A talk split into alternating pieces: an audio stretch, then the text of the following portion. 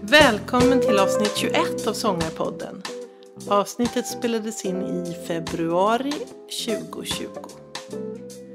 Idag har Sångarpodden styrt norrut mot skogarna utanför Rättvik för att träffa Sveriges första doktor i körsång. Och nu sitter vi i köket tillsammans med två gulliga och otroligt tålmodiga barn och pratar om hur den svenska körklangen utvecklades och vad det är som gör att det låter typiskt svenskt. Vi väntar på David Lundblad, eller Doktor Lundblad ska vi väl säga.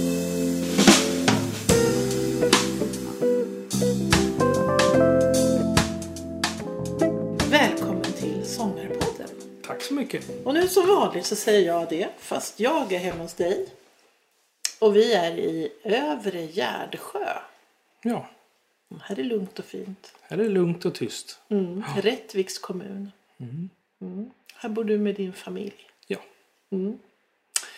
Vi ska ju prata sång och eh, körsång idag. Och det gör vi därför du har faktiskt disputerat. Du är doktor i körsång. Ja, så är det. Det låter väldigt häftigt måste jag säga. hur, började, hur fick du idén till det? Det kommer från två håll egentligen. Det ena är min professor som jag hade när jag studerade dirigering vid Sibeliusakademin. Som var och tjatade på mig ett bra tag. Att han tyckte att nu är det dags att någon skriver lite grann om, om det här svenska. Ja, det. nationalsymbolen. Var kommer det ifrån och hur gör man? Eller åt, åtminstone börja låsa upp några nycklar kring det. Och det där höll han på att tjata på mig i ganska många år och jag sa nej, det ska jag inte göra. Inte än och inte än. Men sen kommer man till en punkt där jag också kände att nu vill jag bli bättre som dirigent och jag vill bli bättre som, som musiker själv. Och då behöver jag också lära mig nya saker. Och då blev det så att jag började gräva djupt i det här. Och det här typiskt svenska då, vad, vad, så det, känd, det hade man en idé om redan innan. Så vad, vad skulle du säga är typiskt svenskt? Eller kanske skandinaviskt? Ja, eller nej, man ska nog inte säga skandinaviskt. För att det är ganska stor skillnad på framförallt tycker jag Finland, Sverige, Danmark.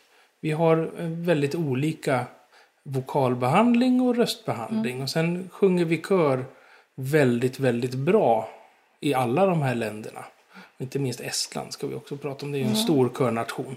Men vi har väldigt olika inställning till, till hur vi behandlar rösten i grupp. Finskan är ju ett helt annat språk och andra vokalljud. Men det är, inte, det är inte bara det utan det är ju också inställningen till hur man sjunger och, och hur man agerar och interagerar i grupp som skiljer. Så det är många, det är många faktorer som påverkar. Men eh, så, om man tar det från början när du började undersöka det här. Hur, hur gick du tillväga så att säga? Vad, vilka olika delar är du, du tittar på? Jag började egentligen ganska förutsättningslöst. För jag tänkte att det här är någonting som jag har gjort hela mitt liv. Jag är ju fostrad så själv att sjunga i kör och så här sjunger man i kör. Så att säga. Det var inte någon som egentligen berättade hur man skulle göra utan det var ju bara så här har vi gjort. Eh, så jag började egentligen titta ganska brett och titta på lite grann vad är det våra ledare som påverkar? Vad finns det för skolning? Vad har vi för repertoar? Så. Och sen har jag, det här har varit en ganska lång resa, jag håller på i nio år. Oj. Och det har ändrats ganska mycket under resans gång i det att jag har hittat saker och framförallt har jag väl vågat lägga vissa grejer åt sidan. Bland annat har jag fokuserat kanske som allra starkast på sent 1800-tal och första halvan av 1900-talet. Och också då försökt titta på vad finns det för parametrar som vi har gemensamt som står bortanför Erik Eriksson, Dan-Olof Stenlund, Gunnar Eriksson, Anders Eby, Gustav Sjökvist. Alltså man kan rabbla hur länge som helst. Alltså titta vid sidan av ledarperspektivet. Vad finns det för gemensamma nämnare? Och vad, vad fann du? Vad har jag hittat? Ja, vad har du hittat? Jo, men jag, jag har hittat såna här enkla saker som dels språket. Svenska språkets betydelse för hur det låter. Och framförallt är det, är det vokalljuden som är jätteviktiga i hela vår körtradition och vår körskolning. De, de har påverkat långt mycket mer än vad jag någonsin trodde. Jag hade en prioriteringsordning där svenska språket stod ganska långt ner på listan. Men det har hamnat väldigt högt upp. Ända upp i toppen. För det är utifrån språket, utifrån smala svenska vokaler som vi har byggt en, en egen klangvärld att sjunga kör i. Vad spännande. Mm. Ehm, va- och då hade den längst ner och så kom den i topp här nu då. Ja, Ja. Och likadant då kanske att i andra länder att deras körklang också beror på deras vokaler. Det kan bero på vokaler. Det, det kan ju också bero på inställningen. Hur man sjunger i grupp. För att det är ju så att vi, vi har ju inte en... Även om jag har skrivit om någonting som man nu då kan kalla för en svensk körklang så är det ju inte en, en alenarådande klangkropp som jag beskriver. Utan jag försöker beskriva grunden till ett fenomen som sen byggs på. Där varje körledare skapar sin egen klangkropp. Och just det här urvalet av sångare man har blir ju också en, en egen klangvärld. Men jag har ändå försökt titta på vad, vad finns det gemensamt mellan de här. så. Sen är det väl så att för mig så det här stora språnget i att jag flyttade om vokalljudens betydelse. Det var för att jag gjorde, i min doktorsexamen så är, ingår det fem konserter. Och de här fem konserterna eh, ska ju liksom också kunna visa på vad det är som jag håller på med, vad det är jag vill förklara.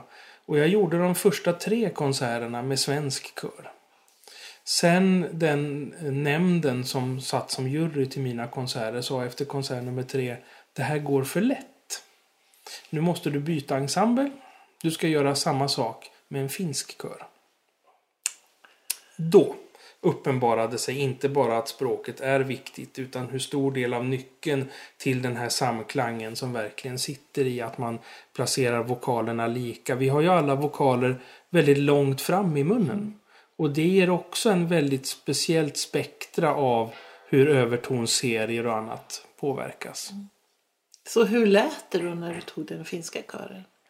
Jo men det, alltså det lät ju fantastiskt för att det är en, den kören som jag jobbat med i Helsingfors är en underbar ensemble. Det heter Emo Ensemble och då- det är absolut världsklass på kören. Men det, man hör ju på en gång att det är finskt. Och framförallt när vi sjöng på svenska för då känner man ju igen liksom finlandssvenska eh, vokaler och sånt. Så att det som jag inte hade räknat med då när vi skulle jobba tillsammans det var att nästan hälften av min repetitionstid gick åt till att öva vokalljud. Och först när vi hittade dem då hittade vi rätt klangvärd för att det skulle liksom närma sig det svenska sångsättet. Eh, du pratar om hur vi sjunger ihop i grupp. Vad menar du med det? Jo, alltså jag menar det här enkla när jag kommer till en ensemble. Eh, och det är ju sådana liksom gruppdynamiska processer. Men, men hur, vad gör jag för att anpassa mig i ensemblen? Eller överhuvudtaget, hur använder jag min röst? Det finns ju många sätt att, att sjunga kör på och inget är, vill jag säga, bättre eller sämre än det andra. Men på många ställen så är det ju också så att man har sin röst. Ofta kan man ha ganska mycket skolning. Och sen går man till en kör och så sjunger man med sin skolning. Alltså vi sjunger samma stämma samtidigt lika rent men jag sjunger med min fulla skolade röst. Eh, I Sverige har vi en mycket större tradition av att det ska vara homogent. Det vill säga jag kommer som ny till en grupp och det första jag gör är lyssnar med jättestora öron och funderar på hur kan jag passa in? Och det blir ju två helt olika sätt att närma sig körsjungandet och ger också två helt olika klanger. Mm. Men hur kommer det sig? Att, eh, för det tänker man att det borde vara det normala om man just sjunger i grupp. Att man försöker bli en del av gruppen. Och så är det mindre uttalat så. Ja, jag tror att det, det har återigen också att göra med, med vokaler och vokalhantering. Li, lite grann i skolning. Eh, och man skulle ju kunna säga så här också i och för sig att det finns ju den här berömda jantelagen. Mm. Men ska man uttala sig för mycket om jantelag eller sociala strukturer då är det liksom en, det är en doktorsavhandling i sig på något Mm. sätt. Däremot så kan jag väl tycka så här att det finns utan att man tar i för mycket en stark vilja hos oss svenskar att göra saker i organiserad form Mm. tillsammans. Det ska vara struktur på det. Vi är inte så bra på att bara träffas och göra utan man bestämmer en tid och man bestämmer Mm. en dagordning och sen gör vi det. Men då gör vi det å andra sidan väldigt, väldigt bra ihop. Mm. Jo, så, men vi gör, vi gör det jättebra ihop när vi har bestämt att det här ska vi göra. Eh, Men det finns ju hos oss också variationer. Om man tittar på en operakör så har ju den ett, ett, ett klangideal som är väldigt långt ifrån en svensk kammarkör. Och det beror ju på att där har man en, en samling mycket högt utbildade skolade röster med, med en, en också vokalhantering som inte ligger på samma ställe i munnen som, som när den liksom vanliga snittkörsångaren ska sjunga. Och då går man också in med inställningen att här ger jag 100% utifrån vad min röst kan, kan prestera. Liksom. Ja, men det är helt riktigt. Det låter ju helt annorlunda. Ja, Ja. det, det, det är en väldigt stor skillnad på det. Liksom. Och sen, sen det, har, det har att göra med väldigt mycket vår vilja och att vara lagspelare. För att det, det kan man titta både i musiken och idrotten eller vad du vill. Vi, vi är väldigt bra på det. Vi har en lång tradition av att göra saker tillsammans. Du tog ju ditt avstamp i ja, slutet av 1800-talet. Ja, Eh, var det någon särskild anledning? Tycker du liksom att det är då det tar fart med kör? Ja, dels är det ju då som det, det tar fart på allvar, alltså andra halvan av 1800-talet med bildandet av studentkörer och vi, vi har också, det händer ju väldigt mycket i samhället som, som påverkar det i stort. Men sen har vi också just den perioden och kanske framförallt kring sekelskiftet så har vi en väldigt intensiv tonsättarproduktion för kör. Det skrivs väldigt mycket. Och det skrivs väldigt mycket som är så att säga utanför kyrkans väggar som är till för underhållning i hemmet, förströelse. Och där så tycker jag att man kan koppla repertoaren som skrevs till också hur det här körvärlden vi har har bildats. För att man skrev väldigt sångbart. Det är inte så stort omfång på stämmorna. Om man jämför med kyrkomusiken eller också hur det skrevs ut i Europa så är det mycket mindre omfång. Och allting ligger väldigt nära respektive stämmas talröst. Så att det är väldigt lätt att höra texten. Det är lätt att sjunga så att du kan göra texten tydlig. Alla vokalljud blir korrekta. Så. Vad intressant. Mm. Eh, ja, men om du säger att det började så, vad, tror, vad tycker du att det är på väg nu? nu har inte, du- det ingår inte i din avhandling, men om du ser fram, framåt? Nej, men jag har gjort ett ganska tydligt break i min avhandling sådär mitten av 1900-talet, vid 1950. Och det har också att göra med att där händer det jättespännande saker i svensk körliv. Men det får någon annan skriva om.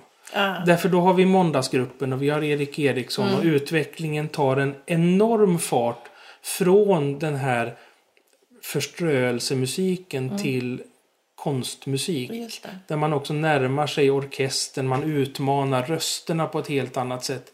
Men i och med att man gör det så tappar man också den här enkla naturligheten mellan språket och melodin. Ah, Och jag, jag använder gärna, för det är sånt som de flesta körsångare, oavsett ålder och vilken kör man sjunger i, de flesta har någon gång kommit i kontakt med någon av Hugo Alvéns körtonsättningar eller kanske ännu hellre hans folkvisebearbetningar. Man tänker Ut i vår hage eller Mm. Jungfrun eller Glädjens blomster. Alltså något så här enkelt så.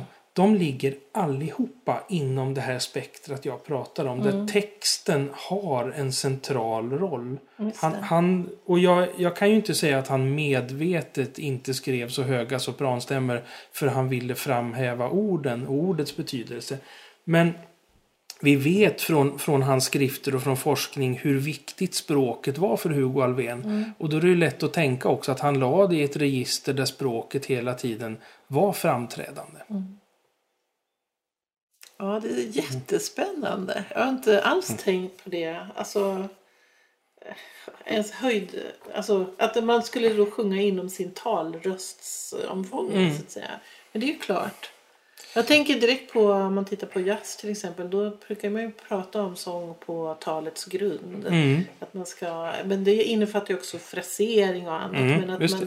det. Är väldigt viktigt med texten. Att man ska förmedla den genom sin sång. Men precis det, om man, om man tittar då tidigt 1900-tal, gällde också för körmusiken.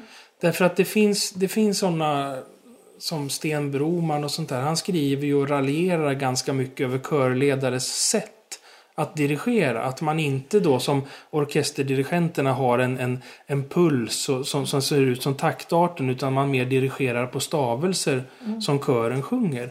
Och det var ju absolut jättevanligt att man hade ett, ett deklamatoriskt dirigerande i körvärlden också. Så man utgick ifrån texten. Ja, vad spännande. Ja.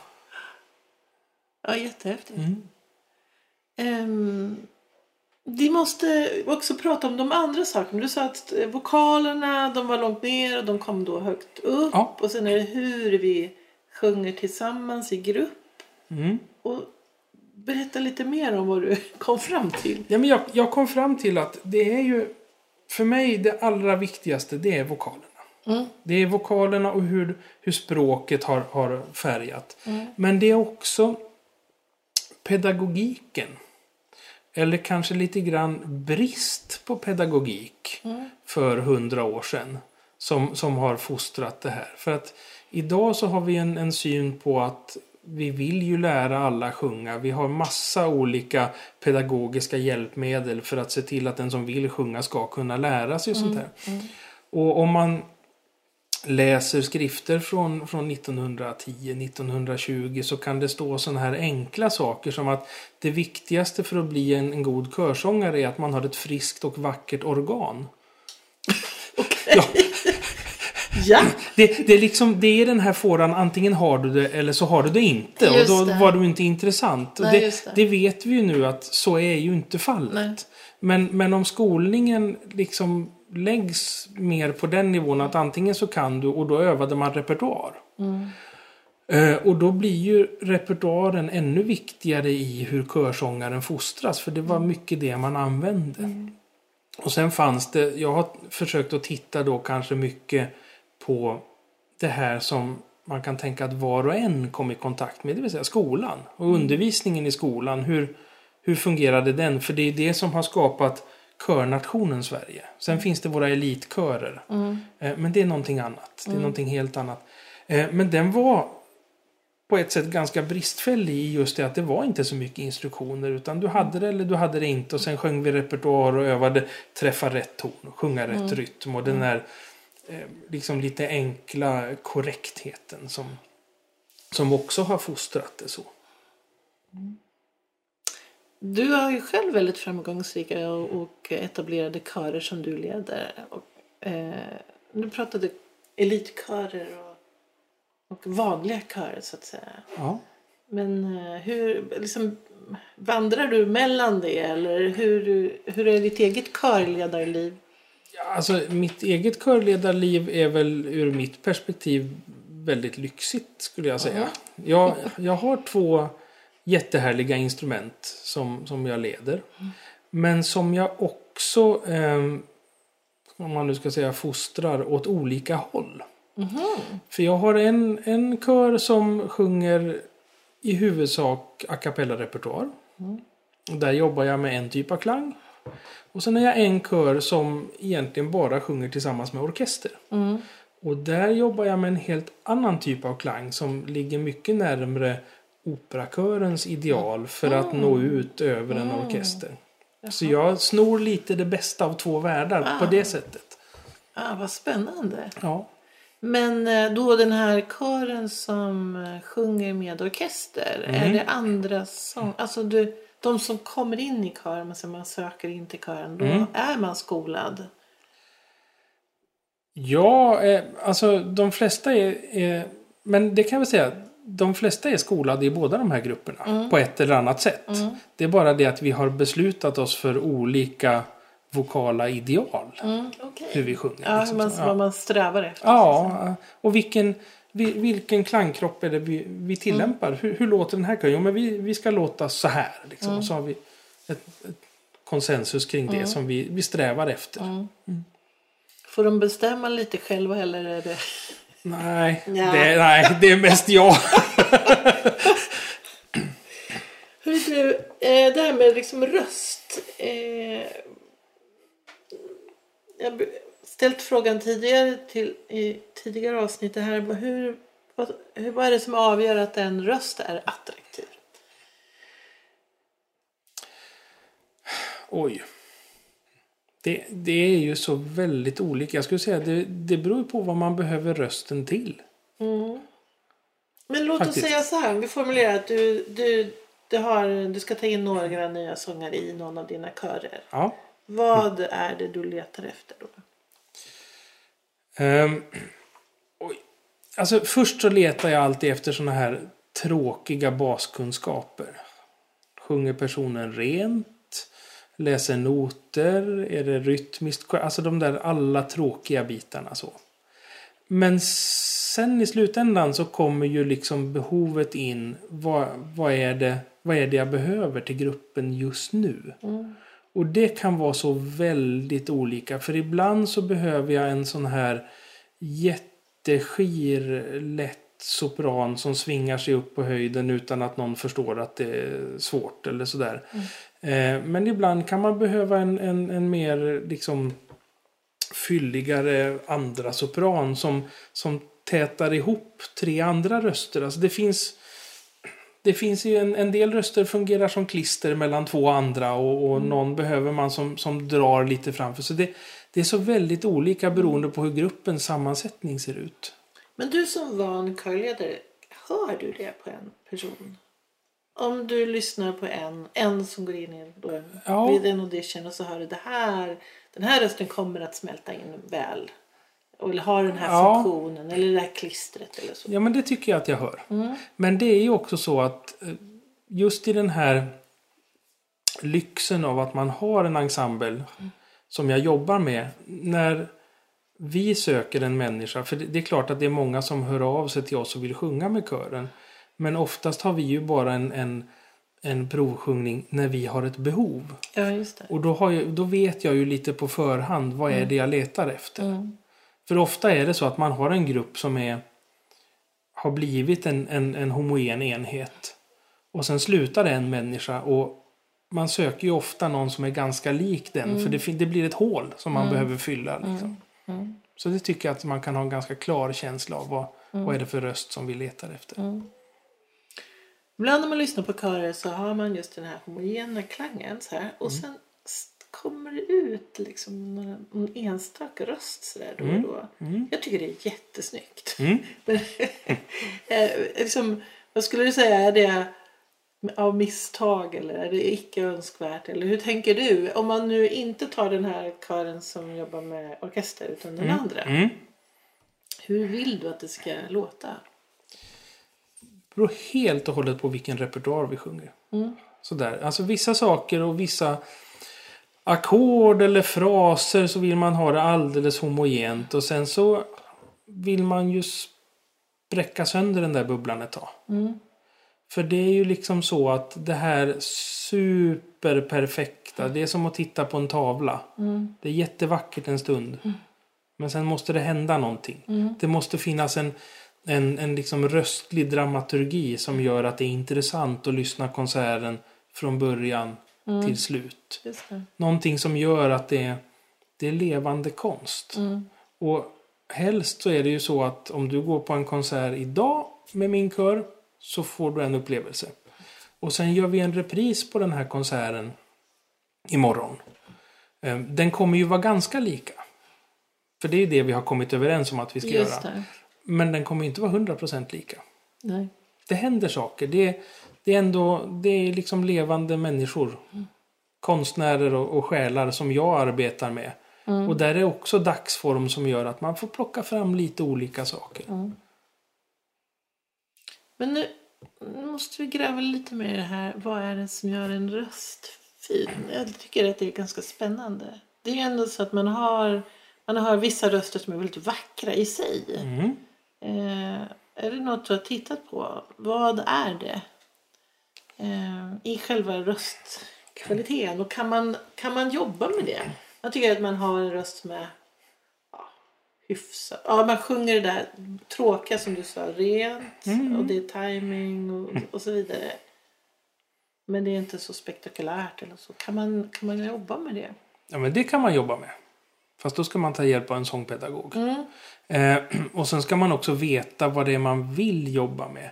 För annars så tycker jag att det som är det, som är det starka, det stora med, med svensk kör. Det är ju att du kan ta tre, fem, sju sångare. Som då upplever sig själva eller av andra som du säger som hyfsade sångare. Och tillsammans så blir det fantastiskt. Det, det är som ett sånt där omöjligt matteexempel. va? Att du har, du har tre sångare och ett plus ett plus ett borde bli tre. Fast när du slår ihop de här och sjunger kör så blir det ett plus ett plus ett åtta. De har liksom en, en, en genererande effekt Just när det. deras röster möts. Ja. Som gör att summan blir så mycket större. Ja. Eh, det här, ja men spännande för jag tänker också på senare eh, körverk som är mycket klangfyllda.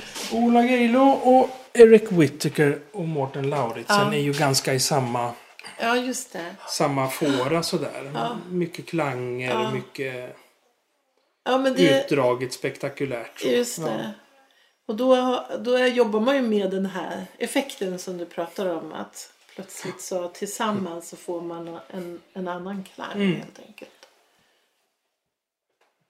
Jo, men vi ska prata det här med tävlingar Mm. och kör. Det, det är ju någon sorts inslag som många ägnar sig åt för att liksom, ja, ha någonting att sträva mot och bli bättre. Mm. Du har lite en annan åsikt om det, eller? Ja, alltså jag är inte jätteförtjust i tävlingar. ehm, Och det, det har väl att göra med att för mig så är alltid repetitionen det är det viktigaste tillfället vi har.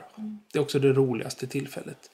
För det är då man på allvar kan påverka och man kan man kan bygga en klang, man kan enas om en gemensam repertoar. Det, det händer så mycket på repetitioner. Sen är det jätteviktigt att man har det här gemensamma målet. Men för mig så är det viktigaste gemensamma målet det är en konsert. Och det är en konsert där, där kören och jag får kommunicera med en publik. Ehm, och där, det är hela tiden det som, som är drivkraften i det. Och konserter det kan man göra ganska många gånger per år. Och publiken den varierar ju från några hundratal till ett par hundra som man kommunicerar med samtidigt. I en tävling så är det ju tre eller fyra personers tycke och smak som avgör allting. Eh, och jag kan tycka att, att ehm, ibland så är det ju så att den ja, om, om jag nu gör någonting som, som inte just den domaren tycker om så får kören ett väldigt tråkigt omdöme tillbaka på någonting som kanske ändå har varit väldigt, väldigt bra. Och då har man jobbat ganska lång tid för att kastas ett par trappsteg ner. Liksom rent mentalt och börja om. Och det, ja, jag är inte så road av det. Jag är, jag är mer road av repetitionsprocessen och sen kommunikationen som sker vid en, vid en konsert. Man pratar ju sällan om det. Man pratar ju mest om de här som har vunnit. Ja, Då tänker jag att det är väldigt många som inte vann då. ja. Och det är klart att det finns väl kanske något lärande ändå. Att, Ja, alltså, jag tror ju det att täv alltså, själva grejen med en tävling egentligen, det är samma sak där. Det är resan fram. Själva tävlingsögonblicket ger ju inte så mycket. Och vinner man tävlingen, ja då vet vi att fyra personer tyckte att vi var bäst den dagen. Men sen då? Så att jag, är, jag är nog fortfarande mer road av, av konsertkommunikationen. För den, den, den är, riktar sig mer till faktiskt vår publik som vi träffar gång på gång på gång. Och just eh, Falu kammarkör som jag jobbar med, vi har en väldigt trogen publik. Och då är det en mycket större utmaning känner jag. Att de ska tycka att det är spännande flera konserter per år. Det, är en, det är en mycket skarpare utmaning för mig. precis. Det ska vara så bra så att de blir sugna att gå en gång till. Ja, de ska, vilja, de ska vilja komma tillbaka och de ska gå därifrån nyfikna på vad gör vi nästa gång.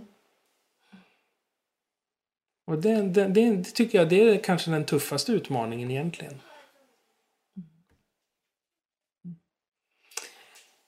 När jag läste, läste på om dig lite så ser man att du har utbildat dig på väldigt många olika ställen. Du far omkring. Det Ja. är- I huvudsak så har jag studerat på Kungliga Musikhögskolan i Stockholm. Och sen har jag då varit på Sibeliusakademin i Helsingfors i två omgångar. Men sen har jag också läst lite komposition och sånt vid Musikhögskolan i Örebro och i Piteå. Det. Nej men jag, jag har varit runt lite. Jag har, Ja. haft, jag har haft turen att få, få vara på många spännande platser och, och träffa fantastiska musiker och lärare. Som har inspirerat. Och hur, hur viktigt är det att få den här... eh, Liksom, nu jobbar ju du, du bor här i Mm. Övre Gärdesjö, i Rättviks kommun och du har dina körer i Falun. Mm. Men du har ditt nätverk över hela landet kan man säga. Ja, och även lite utanför. Ja, Så. ja.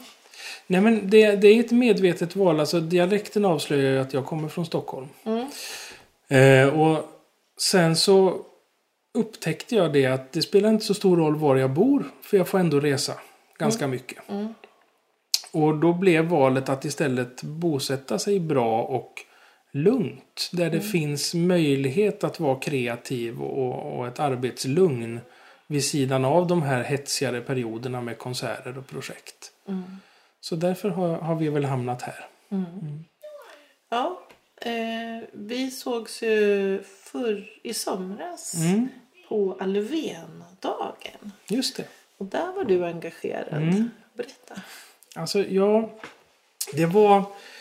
Jag tror att det är sedan 2011 var första gången som jag var engagerad till Alvendagen. Och det... Jag brinner jättemycket just för den här svenska nationalromantiken och körlyriken på alla sätt. Och för mig så är, är Hugo Alfvén en, en mycket viktig föregångare. Också, alltså både som tonsättare men också som dirigent. För att före Erik Eriksson så var väl det den meste och största det. vi hade som var runt överallt han Ja. också så. Eh, och när jag då fick frågan om att, att leda kör vid Alvendagen så var jag ju snabb på att tacka ja. Och det där har blivit en, en årligen återkommande tradition att jag får vara där. Och den, den delas med att jag försöker gräva fram Hugo Alfvéns lite mindre kända körmusik.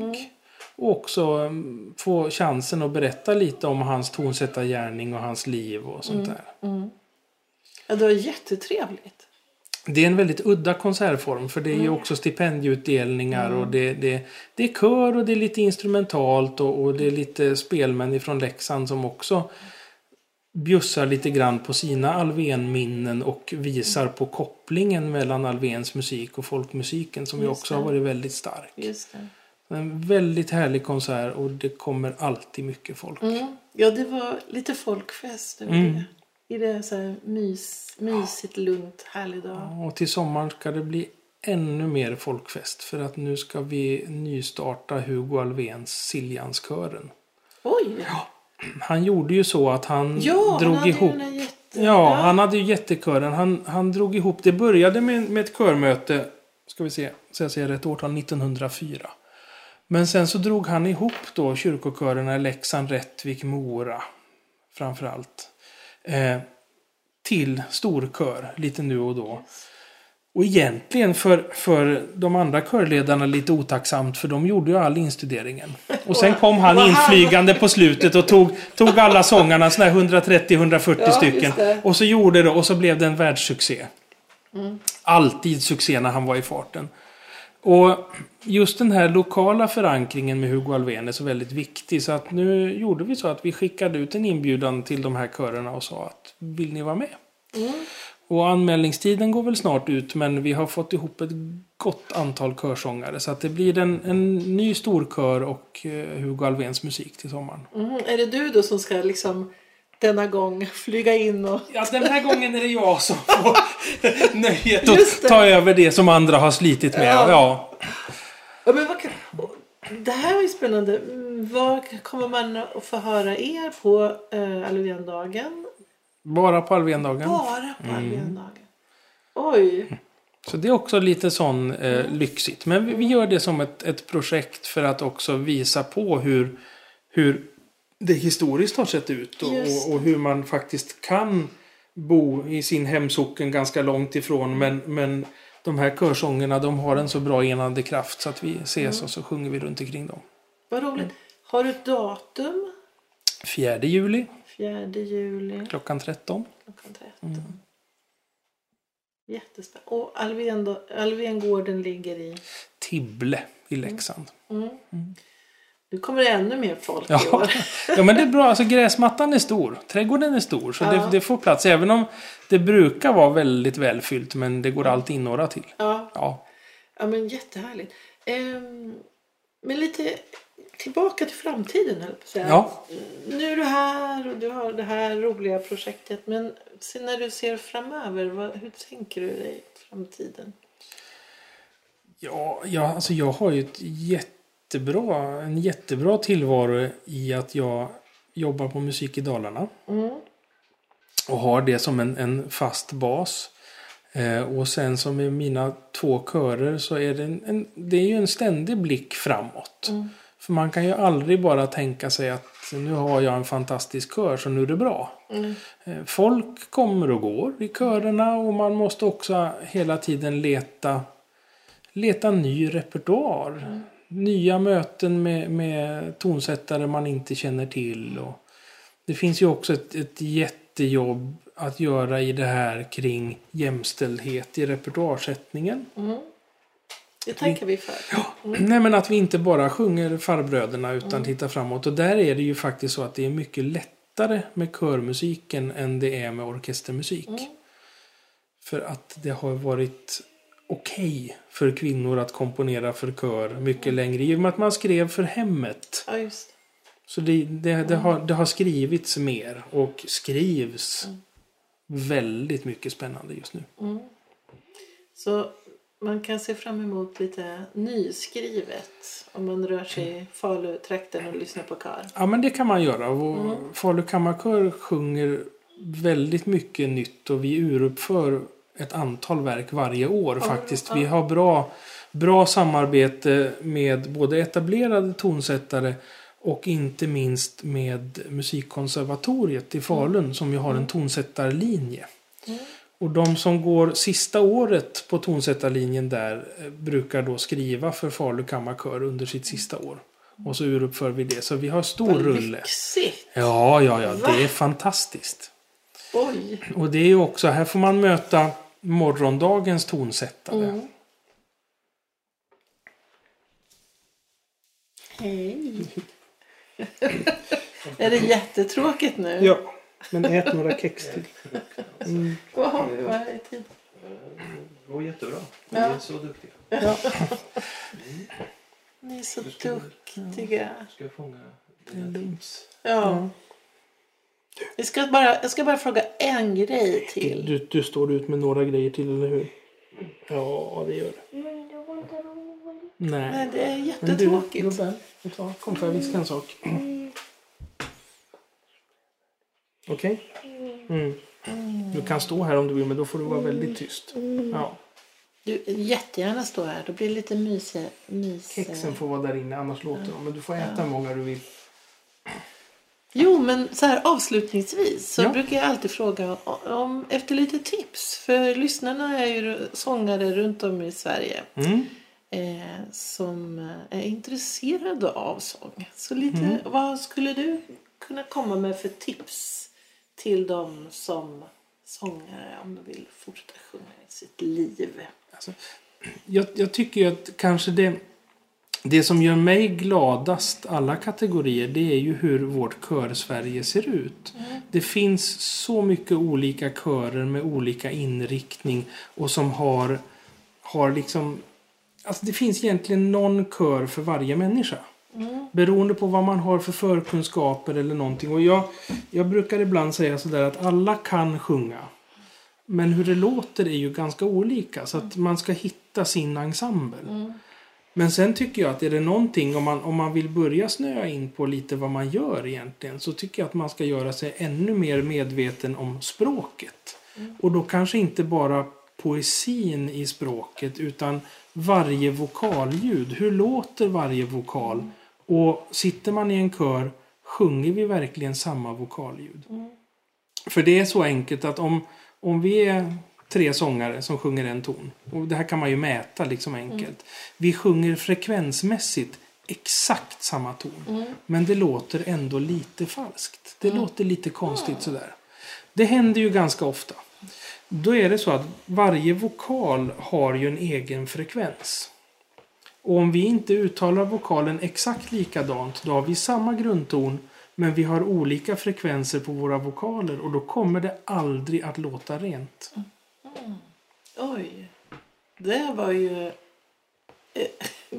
Det var ju rätt viktigt kan man säga då. Det är jätteviktigt hur man uttalar orden och det är ju liksom då... Men det, menar du att det blir övertonerna som skiftar i frekvens Ja, då? ja. För grundtonen är rätt. Grundtonen är rätt, Ja. men, men här, här om, man, om man verkligen vill snöa in på det här då ska man ju ta och läsa Johan Sundbergs böcker. Ja, Om, om fonationsfrekvenser och Just det. formanter. Ja. Och då kan man se att, att när man ändrar färgen på en vokal ja, då ändras också frekvensspektrat som, som ger den här vokalen. Och om man då inte sjunger samma, trots att man har samma grundton, så kommer det inte klinga unisont i alla fall. Ja, men det var väl en stor take home message här. Mm. Jag har köpt boken men ännu inte läst. jag ska hem och läsa. Ja. ja, men jättespännande. Och då, och då gäller det helt enkelt att komma överens om. Det Ja. spelar ingen roll hur man uttalar, bara Nej. man uttalar på samma Bara sätt. man gör det likadant. Ja. Men hörru, och då gäller ju det egentligen, det är ju jättespännande. Jag tänker på just man sjunger alla möjliga genrer så Mm. blir det ju samma effekt då. Ja. Det kanske är så att man, man låter lite falskt bara för att man har en vokal, Ja. vokalhantering som är... Som är olika. Ja, och, och det här är jätteintressant för att det spelar ingen roll vilken genre du sjunger. Mm. Det spelar ingen roll hur mycket skolning du har. Nej. Det spelar ingen roll vilket språk vi sjunger på. För det är samma, det är samma funktion i det så att Just säga. Vill, vill vi sjunga helt unisont så måste vi också ha ett helt unisont vokalljud. Men hur, nu blir det intressant här. För att hur blir det då när man sjunger i, tillsammans med en orkester som ju har sina övertoner? Det var ju så oerhört svårt att få det att låta rent då egentligen. Ja, fast det går ganska bra därför att örat skiljer på vad som är en fiol och en sångare. Ah, okej. Så, så det går ganska bra ändå. Där, där bestäms ju liksom renheten av, av eh, grundtonen, vad, vad det är man sjunger. Alternativet är ju då att man gör som en operakör. Man bestämmer sig för, de, de är ju också väldigt mån om samma vokalljud. Men så väl skolade röster, de har så olika röstklang. Att där blir man inte riktigt lika känslig för den. Ah. För den utan det är när vi pratar det här jättehomogena. just det. liksom så. Ja. Ja, hur spännande är inte det här? Det är, ja, det, är, det är en riktig väckarklocka för alla. Och Ja. Jag brukar säga det att det, det, man, man kan döpa det här egentligen till, till vokalen som intonationshjälp. Ja, just För det. den är det. Ja, Genom att hitta samma vokalljud så har vi också lättare att intonera ihop. ja. Hallå Kör Sverige, Ja. lyssna! ja, det här var jätte, jättespännande. Tack så mycket för att vi fick komma. Tack, jättetrevligt att få vara med. Ja.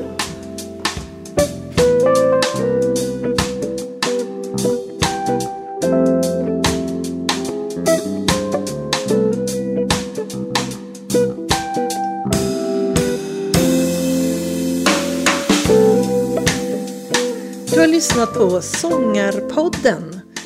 Vill du ha mer information eller få länkar till artister med mera så gå då till vår egen webbplats www.sangarpodden.se Du som är sångare och tycker att det är svårt att hålla igång din sångröst Kolla in Icing, din sångtränare på nätet. Gå in på www.icing.se ising.se så får du veta mera. Vi hörs!